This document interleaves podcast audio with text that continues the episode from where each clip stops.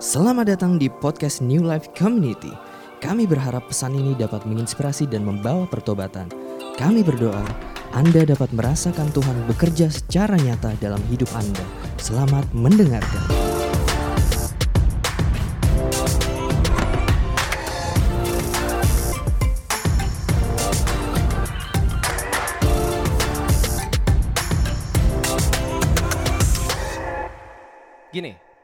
Keputusan-keputusan yang kita ambil, respon-respon yang kita munculkan, itu ditentukan oleh perasaan kita sebenarnya teman-teman. Kalau dulu orang-orang mungkin menganggap saat kita memutuskan sesuatu, proses pengambilan keputusan itu dipandang sebagai sebuah proses rasional. Ya, di mana pikiran kita itu akan menghitung cara terbaik untuk mengambil keputusan. Memang seharusnya seperti itu. Tapi kenyataannya ada beragam banyak penelitian, jurnal-jurnal ilmiah pun dari beragam ilmu disip dari beragam disiplin ilmu yang menyatakan bahwa keputusan dan tindakan kita itu jauh lebih besar dipengaruhi oleh yang namanya intuisi, feeling, ya, dan respons emosional. Jadi keputusan-keputusan kita itu kenyataannya respon kita itu banyak dipengaruhi oleh intuisi kita atau apa yang lagi kita rasakan atau apa yang ingin kita rasakan. Sampai sini nanggap ya? Masih masih megang ya? Soalnya pada pakai masker mukanya jadi tegang banget kayaknya. Ngaruh tegangnya ke sini gitu loh. Ya, coba boleh boleh kasih senyuman mata gitu. Nah gitu kan enak ya. Coba pembicara pembicara kan kalau di sini tegang juga, auranya ngalir. Oke ya, itulah kenapa sering disampaikan kalau misalkan mau ngambil keputusan, jangan kalau either lo lagi sangat-sangat happy ya atau sangat-sangat kesal. Pernah dengar seperti itu? Ya. Karena apa? Karena nanti lo akan menyesali keputusan yang lo ambil. Karena bagian logikanya, bagian rasionalnya keskip dan ditunggangi oleh emosi. Itulah kenapa kalau kalian pernah ke mall-mall suka ada sales-sales kursi pijat, sales-sales alat-alat kesehatan gitu ya. Uh, mereka adalah public speaker yang sangat jago. Karena mereka bermain dengan emosi dan psikologisnya kita. Itu jago sekali. Makanya saya aja nih yang backgroundnya sales dan marketing, saya nggak berani deketin mereka. Karena mereka jago, serius. Mereka penyihir emosi. Pintar loh. Ya, pintar sekali. Mereka bisa membuat lo yang dari tadi yang nggak butuh, bisa datang dan tahu-tahu ketemu mereka, tahu-tahu butuh dan butuhnya ternyata banyak. Dan pas pulang, nyok biasanya korban nyokap nih nyokap-nyokap yang jadi korban. Pas pulang nyokap juga bingung kenapa mama beli sebanyak inilah. Ya gitu. Karena keputusan-keputusan itu sering kali di override atau ditunggangi oleh yang namanya emosi. Kita lanjut lagi ya. Emosi atau perasaan kita itu akan muncul dan mendominasi proses pengambilan keputusan saat pikiran kita atau memori, atau memori kita teringat akan sebuah kejadian. Contohnya, kenapa seseorang mau belanja lagi, belanja lagi, belanja lagi, dan belanja lagi. Karena saat mereka belanja sebelumnya, di momen sebelumnya, apa yang mereka dapatkan setelah belanja? Because I'm happy, clap along. If apa lagu itu? Happy. Waktu lo shopping lo happy. Jadi waktu ada momen-momen di mana lo harus mengambil keputusan beli atau enggak, pikiran lo, memori lo akan memunculkan waktu terakhir lo shopping lo happy lo. Makanya kenapa banyak banyak uh, ada jargon yang bilang mendingan menyesal karena membeli daripada menyesal karena tidak membeli. Lagi-lagi perasaan yang bermain, right? Ya kan? Atau ya para suami-suami di sini uh, mendingan minta maaf daripada minta izin. Ya kan katanya gitu. Mendingan minta maaf daripada minta izin. Jadi udah udah kadung beli gitu. Sampai akhirnya muncul istilah SNI. Sudah nanya istri. Ada satu lagi apa? ISO apa tuh? Istri sudah oke okay, gitu ya. Ya. Kok tahu sih gitu ya karena ini memang, memang lucu ya dari dari fakta tapi itu sebenarnya jadi jadi meme, jadi jokes-jokes. Nah, kalau kejadian di masa lalu itu memunculkan kebahagiaan, maka otak kita akan menghasilkan hormon ini dokter atau psikolog mungkin tahu gitu. Akan menghasilkan hormon yang yang menghasilkan emosi yang mengarahkan tindakan kita untuk mengulang hal yang sama. Sebaliknya, kalau memori atau pikiran kita mengingat bahwa waktu itu, waktu gue ada di situasi seperti ini, dan keputusan yang gue ambil menghasilkan kemarahan, kekecewaan, kesedihan, maka di kejadian berikutnya apa yang akan dilakukan oleh pikiran kita? Yang disebut dengan trauma. Jangan, jangan, jangan, jangan. Eh, ingat gak? Terakhir kali itu lo menyesal lo. Terakhir kali itu lo marah dan kecewa. Ya. Jadi hindari. Jadi balik lagi ya. Simple. Jadi spidol lo udah bisa belum nih? Udah ya? Oke. Okay. Di prok-prok ya. Jadi keberadaan kita itu dibentuk oleh beragam keputusan, keputusan, keputusan dan respon gitu ya. Keputusan, keputusan, keputusan, keputusan, keputusan, keputusan, keputusan, keputusan. Ini akhirnya memberikan nilai kita itu siapa sih orangnya? Apakah kita orang pesimis, optimis dan lain sebagainya, ya. Nah, keputusan kita itu tadi yang gue katakan dibentuk oleh apa? Emosi. Mostly oleh emosi emosi kita sangat dipengaruhi oleh apa yang disebut dengan keinginan. Keinginan. Kita bahagia saat apa yang kita harapkan, apa yang kita inginkan, apa yang kita expect itu terjadi. Betul?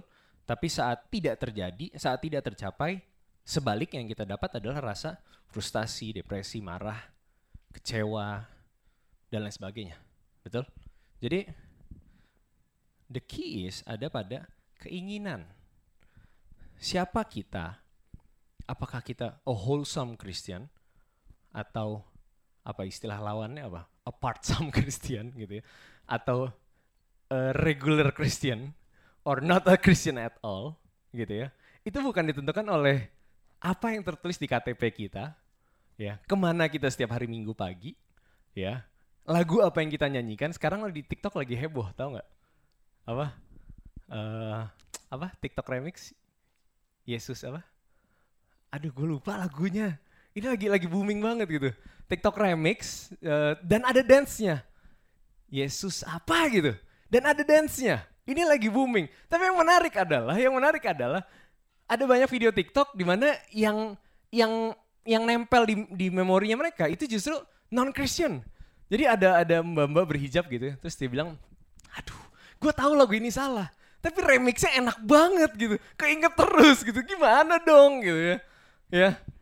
Status or the quality of your Christianity itu nggak dibentuk oleh lo nyanyi lagu itu atau enggak. Ya kan? Lo boleh hafal semua lagu Kristen. Ya bahkan begitu seseorang buka YouTube lo, tap home lo isinya semua lagu-lagu rohani. Karena algoritma YouTube kan membaca pattern, membaca behavior kita, benar nggak? Membaca apa yang biasa, biasa kita lakukan. Tapi itu nggak menentukan kualitas kekristenan lo.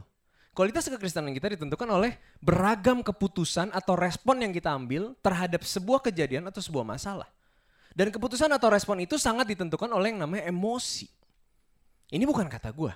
Kata beragam jurnal penelitian yang sudah dari tahun 80-an kalau gue nggak salah. Dan emosi kita ini dibentuk oleh yang namanya keinginan. Jadi kuncinya to be a wholesome Christian untuk menjadi seorang Kristen yang sehat utuh ya adalah di mana letak keinginan kita. Di mana letak keinginan kita? Karena kalau ini salah, ini menjadi salah, ini menjadi salah, ini menjadi salah. See the pattern? Di mana letak keinginan kita? Kita buka sama-sama Yakobus 3 ayat 13 sampai 11. Sudah ketemu? Yang sudah ketemu katakan amin. Wih udah lama banget kan begini. Dulu kalau online nggak bisa begini kan. Karena aminnya nggak akan kedengeran. Oke, okay, Yakobus 3 13 sampai 17. Gue bacain ya. Siapakah di antara kamu yang bijak dan berbudi? Baiklah ia dengan cara hidup yang baik menyatakan perbuatannya oleh hikmat yang lahir dari kelemah lembutan ya atau dalam terjemahannya penundukan submission atau rendah hati kerendahan hati jika kamu menaruh perasaan iri hati dan kamu mementingkan diri sendiri, janganlah kamu memegahkan diri dan janganlah berdusta melawan kebenaran. Ayat 15 katakan itu bukanlah hikmat yang datang dari atas. Apa yang bukan datang dari atas? Ya, perasaan iri hati mementingkan diri sendiri, ya. Tetapi dari dunia, dari apa? Dari nafsu manusia. Ya. Dari setan-setan, dari roh jahat. Ayat 16-nya. Sebab di mana ada iri hati dan mementingkan diri sendiri ya, ada iri hati dan mementingkan diri sendiri, ada keinginan, kok dia lebih bagus dari gue, kok dia punya yang lebih baik dari gue, kok gue nggak punya seperti dia, kok gue nggak bisa dapat yang terbaik buat gue, kok gue nggak bisa mendapatkan kenyamanan, kemema kemewahan, kekayaan dan lain sebagainya, ya. Lanjutannya, di situ ada kekacauan dan segala macam perbuatan jahat. Perhatikan bahwa betapa keinginan yang ada dalam hati kita akan membentuk respon-respon kita. Dan respon-respon atau keputusan-keputusan yang kita ambil akan menentukan status atau kualitas kita as a Christian. Ini fundamental yang penting teman-teman. Karena kita bisa berusaha habis-habisan ya untuk menjadi seorang Kristen yang beretika atau sopan atau bernilai baik di mata masyarakat sangat bisa. Tapi pada akhirnya core-nya itu akan keungkap sama siapa? Sama istri kita, sama suami kita, sama orang tua kita, sama orang-orang terdekat kita, sama kakak kita, sama adik-adik kita. Mereka akan melihat bahwa kekristenan lo tuh busuk. Kenapa? Karena gue tahu apa yang apa yang jadi isi hati lo. What's inside your heart gue tahu. Jadi apa yang selama ini lo tampilkan itu sebenarnya cuma pencitraan. Tapi orang-orang terdekat kita, ya mereka tahu betul apa keinginan kita. Waktu Tuhan Yesus naik ke surga, Ya, sebelum dia naik ke surga, apa yang dia lakukan dalam sisa-sisa hari hidupnya? Tercatat, dia terus mengutarakan, terus menyampaikan tentang apa? Kerajaan Allah. Kalau kita ngomongin sesuatu terus-menerus, ini Crypto Bros lagi rame kemarin. Gara-gara ada satu koin yang dropnya habis-habisan sampai 99% kalau gue nggak salah. Ya, jadi itu tuh isinya Twitter, Instagram tuh isinya ngebahas tentang satu koin ini yang gue nggak akan sebut supaya nanti kalian kira ini uh, apa rekomendasi trading bukan gitu ya. Jadi ada satu ikut ketawa. ya jadi rame kemarin. Tapi bukankah apa yang ada dalam hati kita, apa yang ada dalam pikiran kita, itu tercermin dari apa yang kita bicarain terus-menerus, right? Kalau misalnya kita terus-menerus mikirin tentang cewek, nggak heran kalau di tongkrongan-tongkrongan para pria-pria sambil kaki naik, sambil nyebat, sambil minum kopi gitu. Yang diomongin apa? Cewek, cewek, cewek, cewek, cewek, dan cewek. Karena apa? Ya itu menggambarkan apa yang ada dalam hatinya. Tapi waktu Tuhan Yesus berkeliling ya di setelah dia dibangkitkan, istilahnya kan ingat nggak waktu dia disalib apa yang Tuhan Yesus katakan? Sudah selesai. Harusnya waktu dia bangkit dia wah oke okay, sudah selesai. Waktunya jalan-jalan. Udah selesai cuy, bener nggak? It is finished. Boleh dong santai-santai, tapi enggak. Selama 40 hari sisanya, apa yang dilakukan sebelum bahkan bahkan waktu dia naik pun dia masih ngomong gitu.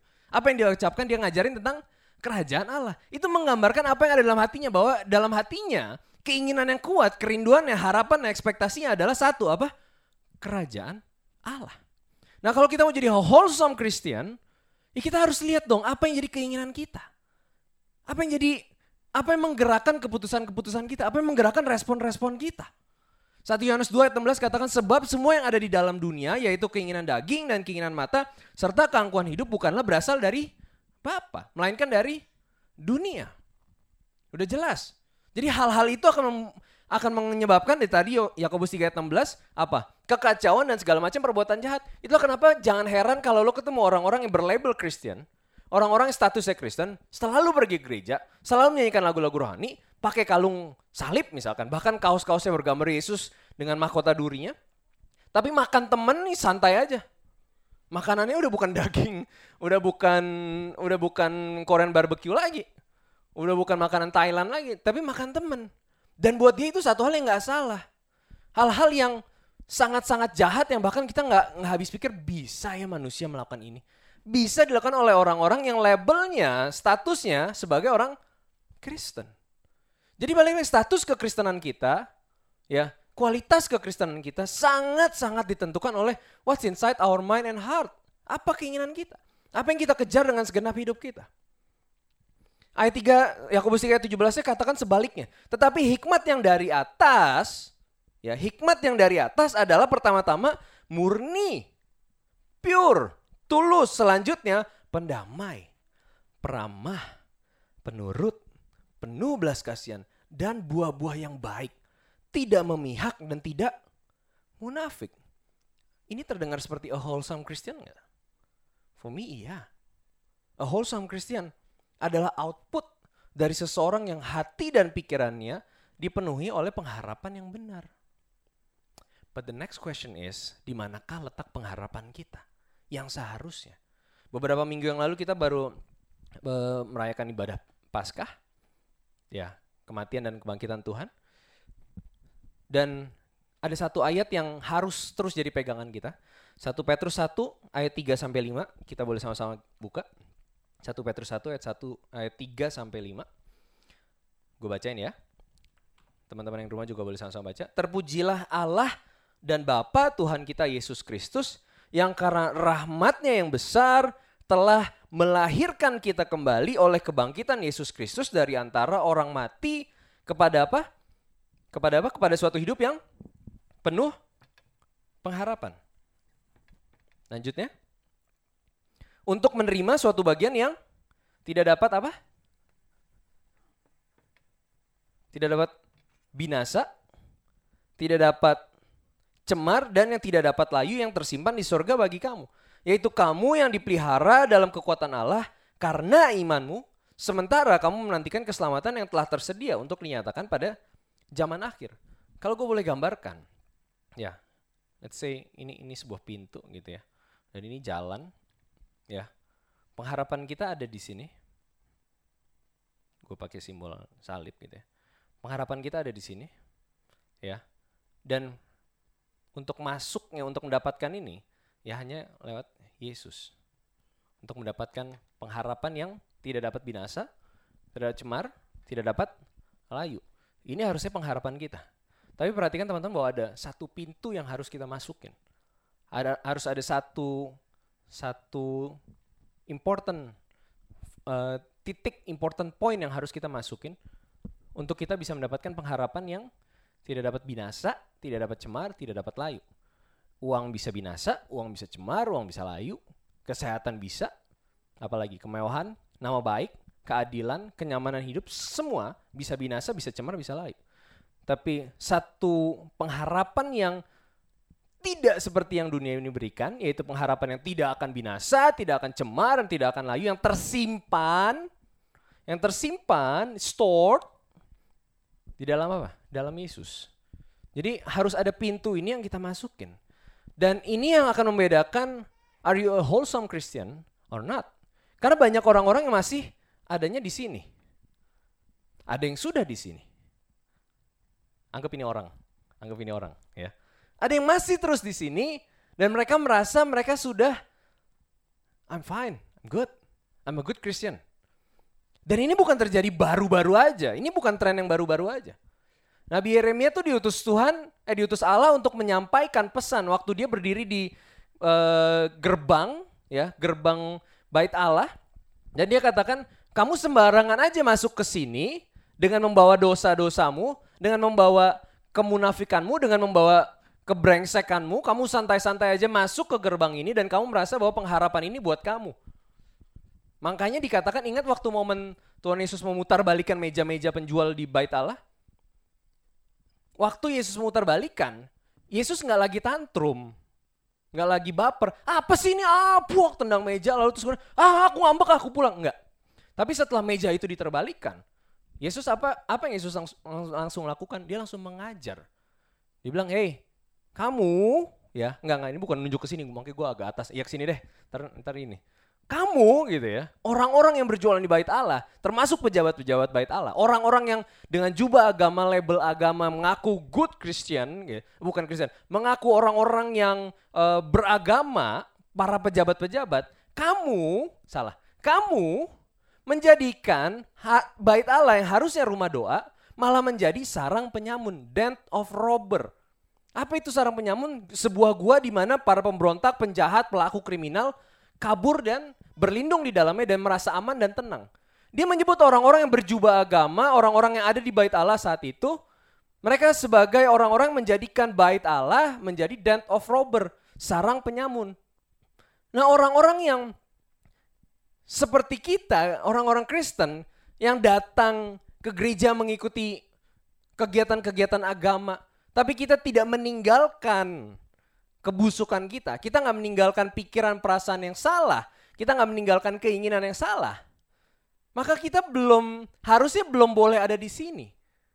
Harusnya belum boleh ada di sini. Dan malah kita menjadikan gereja atau program-program gereja atau program-program apa pun sebagai sarang penyamun. Tempat kita berlindung. dari dos dari tuduhan-tuduhan dan karena kita ke gereja kita merasa I'm okay kok. I'm a Christian. I'm okay. Tapi sementara keinginan pikiran hati kita masih belum dibongkar sama sekali.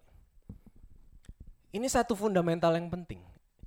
Yes, ini it is doc- doctrinal, tapi suatu yang hal satu hal yang begitu kita pahami ini akan betul-betul mengubah apa yang kita kejar dalam hidup kita. Karena the point is adalah kita harus masuk ke dalam pintu ini ya. Dan dari sini sampai sini ya apa yang katakan di situ? Kita baca sama-sama di ayat ayat 15 eh sorry. Eh, ayat 5-nya, 1 Petrus 1 ayat 5. Siapa yang siapa yang bisa mendapatkan pengharapan ini? Mereka-mereka yang dipelihara dalam kekuatan Allah karena apa? Karena iman. Dari sini sejak kita masuk, sejak kita menerima Yesus, ada iman ya. Ya, yang membuat kita bertahan dalam sini, tapi we are not alone karena ada yang namanya apa? Pemeliharaan pemeliharaan Allah. Kekuatan Allah yang menyertai kita, yang menjaga kita, memampukan kita sampai akhirnya this kind of hope pengharapan ini kita dapat. Tapi untuk masuk ke sini, kita harus take action dan kita harus apa? Siapa yang tidak meninggalkan segala sesuatu yang tidak dapat menjadi muridku. Untuk masuk ke sini ada satu syaratnya, kuncinya satu, meninggalkan segala sesuatu, meninggalkan keinginannya, meninggalkan harapannya, meninggalkan ekspektasinya. Dan ini nggak gampang, karena kita udah belasan tahun bahkan puluhan tahun di brainwash sama pola yang dunia ini bentuk. Habis kuliah, kerja. Sampai umur 30-an gaji lo harus nyentuh dua digit. Bukan dua digit, 50 perak gitu dua digit dan enam digit di belakangnya gitu kan. Dua digit gitu ya. Kepala dua sampai umur 30. Ya 30-an itu harus sukses dong. Itu kenapa banyak orang-orang yang di usia 30 30 30-an bahkan di 25-an udah yang katanya apa quarter life krisis krisis krisis quarter life. Berarti umurnya 100 dong kalau kalau 25 quarter life gitu. 25 aja udah krisis, udah merasa krisis karena teman-temannya udah capai ini ini ini itu sementara dia belum gitu ya. Dan ini membuat akhirnya orang lost focus. Mereka bukan memandang sama pengharapan yang tidak akan binasa, tidak akan cemar, tidak akan layu, tapi mata mereka terus terpandang terus pandang pada anggap di sini ada ada ini ya pengharapan yang lain gitu. Mata mereka ke sini, terus ke sini, terus mata mereka ke sini terus. Sementara ada yang di sini yang katakan ini nggak akan binasa, nggak akan cemar, nggak akan layu. Ya, ini tersedia bagi kamu, tapi kamu harus masuk pintu ini meninggalkan apa yang kamu pikir eh, layak kamu dapatkan, meninggalkan apa, apa yang kamu pikir bagianmu, meninggalkan apa yang kamu pikir bahwa memang seharusnya kamu dapatkan, kamu harus meninggalkan the moment you enter the door. Setelah kamu masuk ada iman, kamu harus punya iman yang menjaga kamu terus, makanya mata kita harus tertuju pada pengharapan ini. Mata kita harus terus, makanya that's why kita kumpul di sini. That's why kita ikut komsel, that's why kita baca Alkitab, that's why kita doa. Kenapa? Untuk mengingatkan terus bahwa ada harapan yang bernilai tinggi. Once kita nggak mengarahkan mata ke sini, pengharapan kita ke sini. Instead of salib malah ke X. That's why kenapa kita harus doa itu wajib. Bukan karena disuruh, bukan karena program gereja. Tapi harusnya jadi satu kebutuhan yang kita tahu saat kita nggak, kalau gitar tuh kalau nggak di stem gitu kan fals. Tapi dia harus terus menerus kenceng. Supaya apa? Supaya pasti genjreng enak. Anak gue dibeli nama istri gue ukulele. Gue juga gak ngerti kenapa out of nowhere tiba-tiba dia beliin ukulele buat anak gue. Dan tugas gue harus nyetem. Gue gak pernah main ukulele. Lalu gue harus nyetem ukulele. PR banget gitu ya. Tapi ya udah senarnya cuma empat dia nggak boleh fals. Karena satu fals langsung ceng aneh banget suaranya gitu. Ya inilah kehidupan kekristenan kita. Yang pertama kita harus perhatikan ke mana sih mata kita menuju, ke mana kita menaruh pengharapan kita, apa yang kita expect dari masa hidup yang singkat ini, apa yang menjadi keinginan kita. Lalu yang kedua, kita harus jaga the string, senarnya itu supaya tetap kenceng. Karena begitu dia kendor, senarnya ini nanti akan bergeser ke sini. Yang jelas-jelas ini akan binasa, bisemar dan akan layu. Bukan kata gua, tapi kata firman Tuhan. Ini penting. Begitu kita masuk, faith kita harus terus terjaga lewat. Itulah kenapa jemaat mula-mula, ya jemaat mula-mula kenapa Tuhan tambah-tambahkan. Karena mereka nggak skip dalam pertemuan-pertemuan. Mereka nggak skip dalam pengajaran-pengajaran para rasul. Mereka nggak skip, mereka terus menerus, terus menerus. Itulah kenapa gereja mula-mula kan sering jadi, ayo dong kita mau jadi gereja mula-mula, ayo kita mau jadi gereja mula-mula. Tapi mereka lupa ada satu bagian yang ke skip di situ. Persekutuan, pengajaran itu nggak boleh ke skip.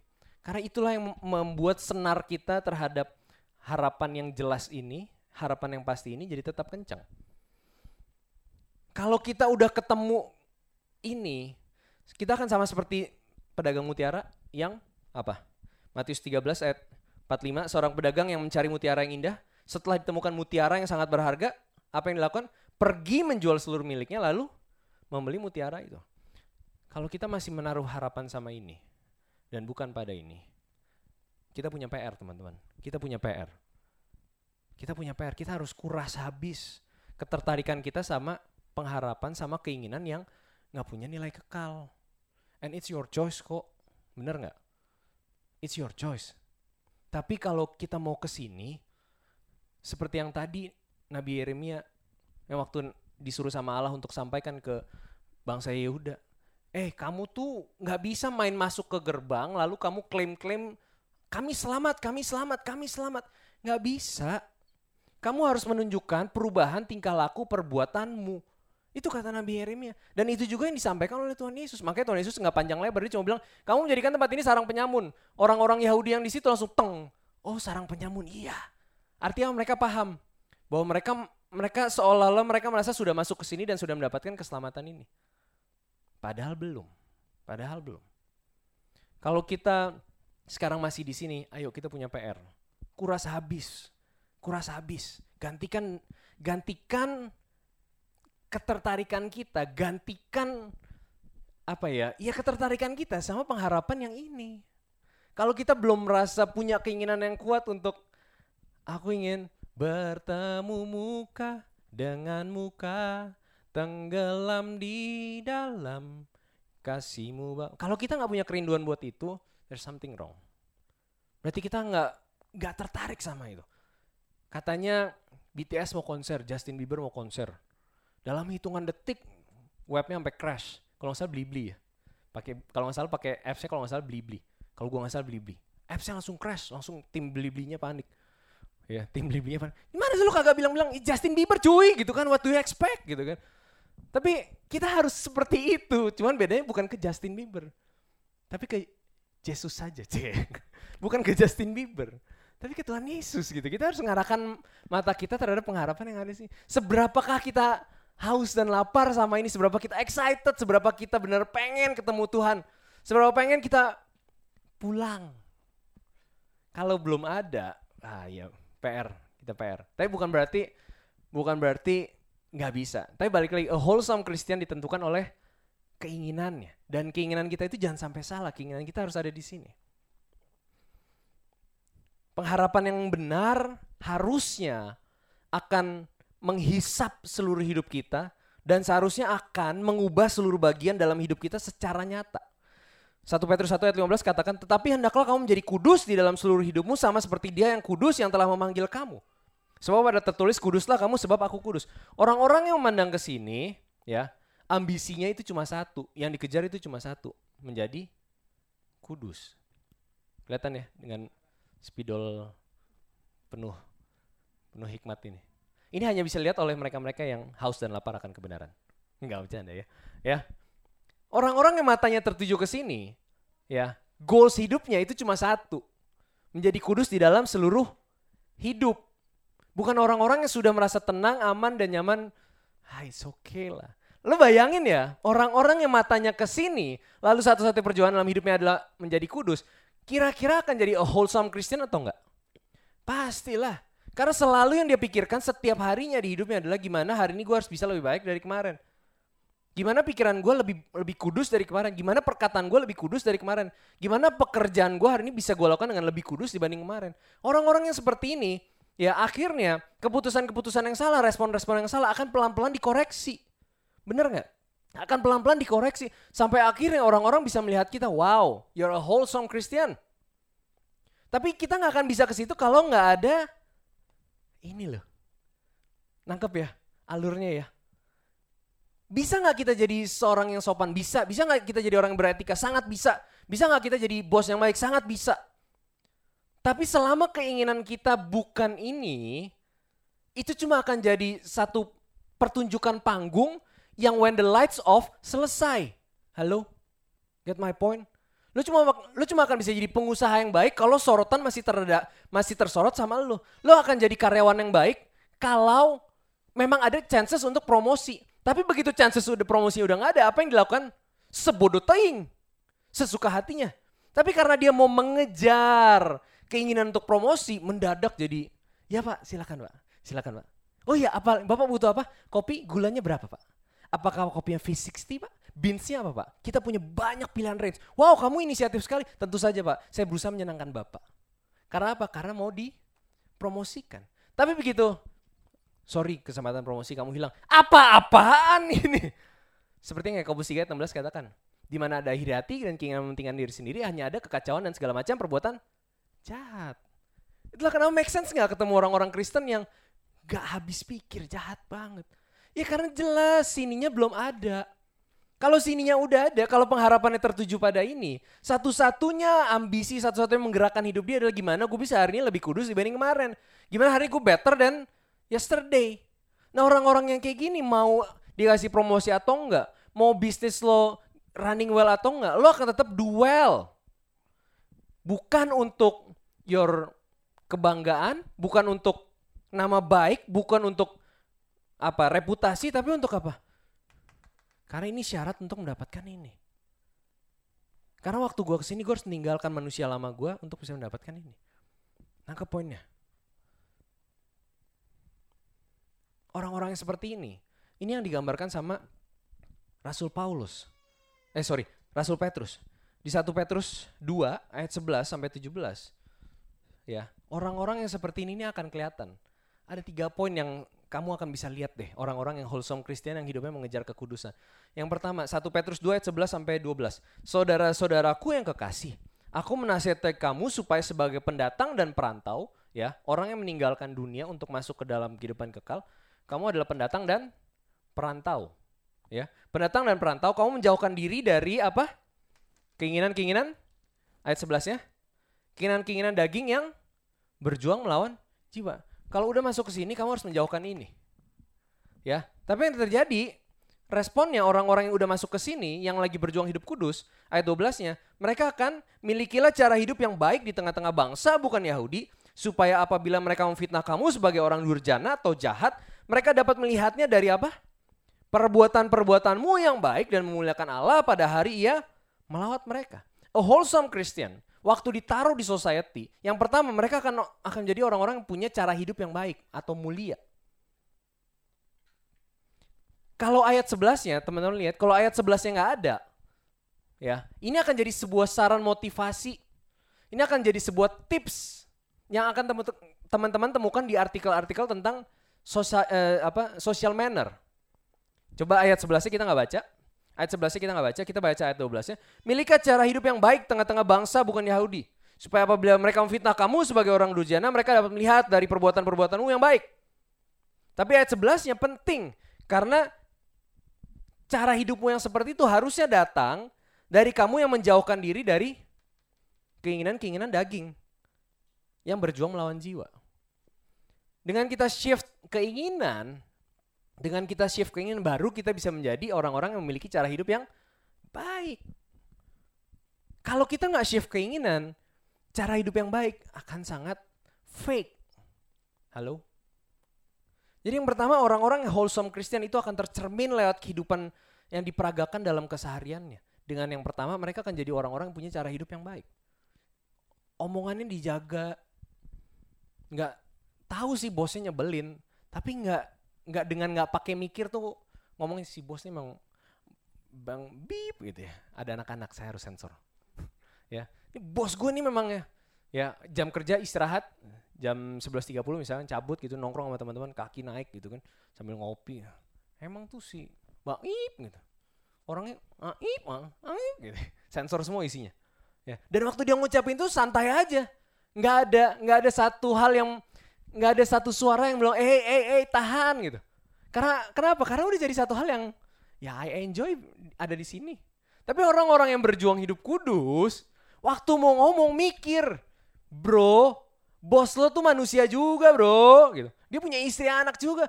Lo a Christian ngomong kayak gini yang bener aja bro. Roh Kudus tuh ngomong gitu, bahasa Roh Kudus gaul gitu, ya. bahasa gaulnya. Bro, hey hey wake up, gitu. Hey halo, masa lo ngomong begitu sih?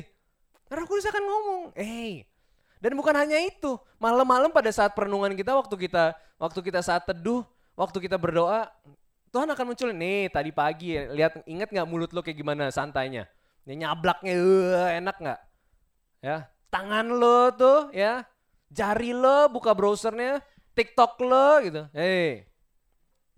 Tapi ini hanya akan dirasakan, teguran ini hanya akan hidup dari orang-orang yang pengharapannya ke sini dan perjuangannya untuk hidup kudus.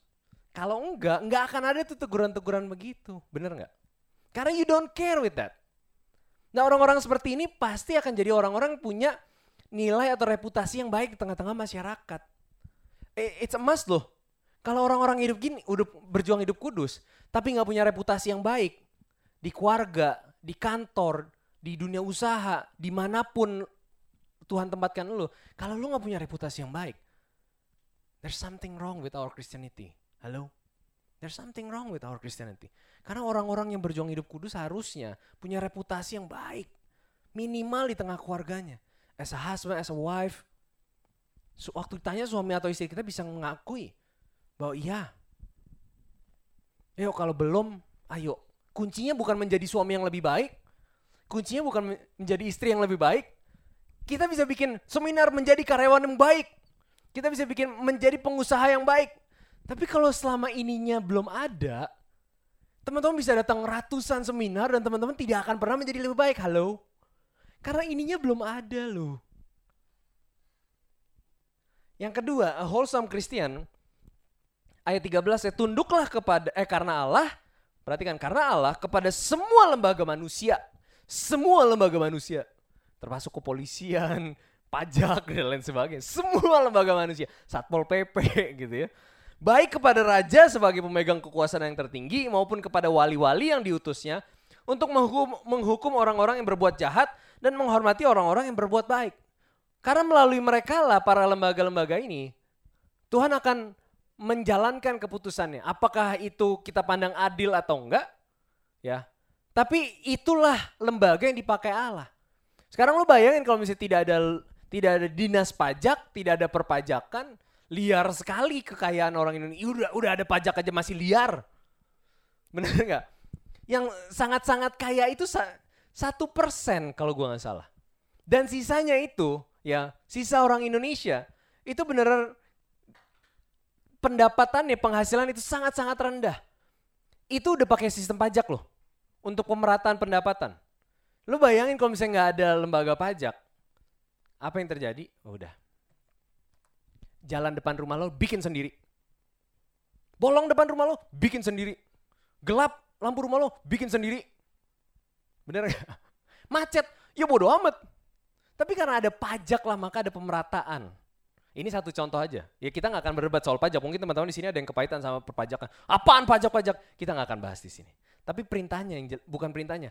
Orang yang berjuang hidup kudus digambarkan di sini ayat 2-nya tunduk kepada atasan dan pimpinan. They respect, mereka tunduk. If you're a wholesome Christian, tapi ini nggak tercermin dalam ketertundukan lo kepada atasan, kepada pemerintahan. Kerjaannya komplain terus. Apaan sih ini polisi? Itilang-itilang segala. Kecepatan nggak boleh di atas 100. Mana mungkin? Nggak mungkin dan sebagainya. Komplain-komplain gini kan sering kita ucapkan, bener nggak? Apa susah sih teman-teman ikutin aja. Dan yang ketiga, yang terakhir, Ayat 17-nya, hormatilah atau dalam terjemahan lainnya timao, memberi nilai kepada semua orang. Kasihlah saudara-saudaramu, takutlah akan Allah, hormatilah raja. Jangan kepada orang yang kita mengharapkan kita mendapatkan benefit, jangan kepada orang-orang yang kita mendapatkan favor, jangan kepada orang-orang yang kita harapkan bisa memberikan bantuan kepada kita, baru kita, ya Pak, silakan. Ya Pak. Tapi kepada orang-orang yang kita lihat tidak memberikan nilai, tidak memberikan manfaat buat kita, kita memandangnya begini. Apa? Mau apa? Enggak, enggak, enggak, enggak. Macem-macem aja loh. Begitu bosnya yang ngomong, oh iya pak siap, siap, siap, siap. ini banyak banget kasus-kasus begini. Gue nggak mungkin bahas bahas kasus. Tapi ini satu hal yang kita bisa temuin around us, bener nggak? Orang-orang yang mengaku sebagai Christian tapi nggak punya cara hidup yang baik. Sama atasan pimpinan tidak tunduk, ngebangkang terus, diberontakin terus. Dan yang ketiga, nggak menghormati, nggak memberikan nilai yang wajar, yang pantas kepada semua orang. A wholesome Christian karena tahu pengharapannya ada di mana. Satu-satu perjuangan dalam hidup mereka adalah untuk hidup kudus dan akan tercermin dalam kehidupan kesehariannya lewat tiga hal tadi. Amin. Yuk, kita jadi a wholesome Christian bukan dengan bukan dengan berusaha menjadi sopan, beretika, tapi first fix our mind dulu. Fix our focus dulu, mata kita mau ke mana. Karena begitu kita bilang, ini pengharapan, pengharapan, I fall in love dengan pengharapan ini, I fall in love dengan keinginan ini, maka ada satu pintu yang harus kita masukin, di mana saat kita masuk, manusia lama kita harus tinggalkan, kita harus pakai manusia baru di dalam Yesus.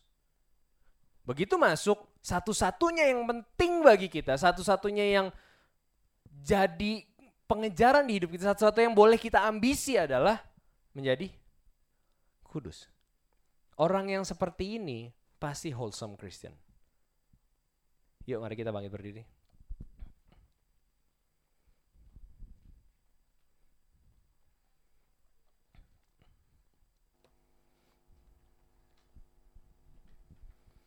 Mari kita jangan berjuang hanya menjadi baik aja. Karena menjadi baik itu standarnya beda-beda. Tapi yuk kita berjuang untuk mengikuti apa yang Tuhan mau kita lakukan dalam hidup kita. Dan ini standarnya akan very very relatif. Tergantung apa? Tergantung Tuhan mau kamu lakukan apa secara spesifik. As simple as misalkan tindakan A di Merik berkenan. Tindakan A di gua belum tentu berkenan. Itulah kenapa kita jangan lihat apa yang Merik udah capai, apa yang Merik lakukan, tapi lihat apa yang Tuhan mau kita lakukan. Dan ini semua harus dimulai dengan satu pernyataan bahwa kita kagum, kita kagum, kita hormat akan Allah. Benar nggak? Saat kita, uh, papan tulis udah nggak ada, hampir mau nunjuk kamu ya. ya, saat kita di sini, saat kita set mata kita ke sini gitu ya, saat kita kagum dan hormat, saat kita fall in love dengan pengharapan yang diberikan, kita akan jadi a wholesome Christian. Oke? Okay? Terima kasih sudah mendengarkan podcast ini. Kami berdoa Anda diberkati melalui pesan yang telah disampaikan. Mari sapa kami melalui Instagram @newlifec dan bagikan pesan ini supaya lebih banyak orang yang diberkati.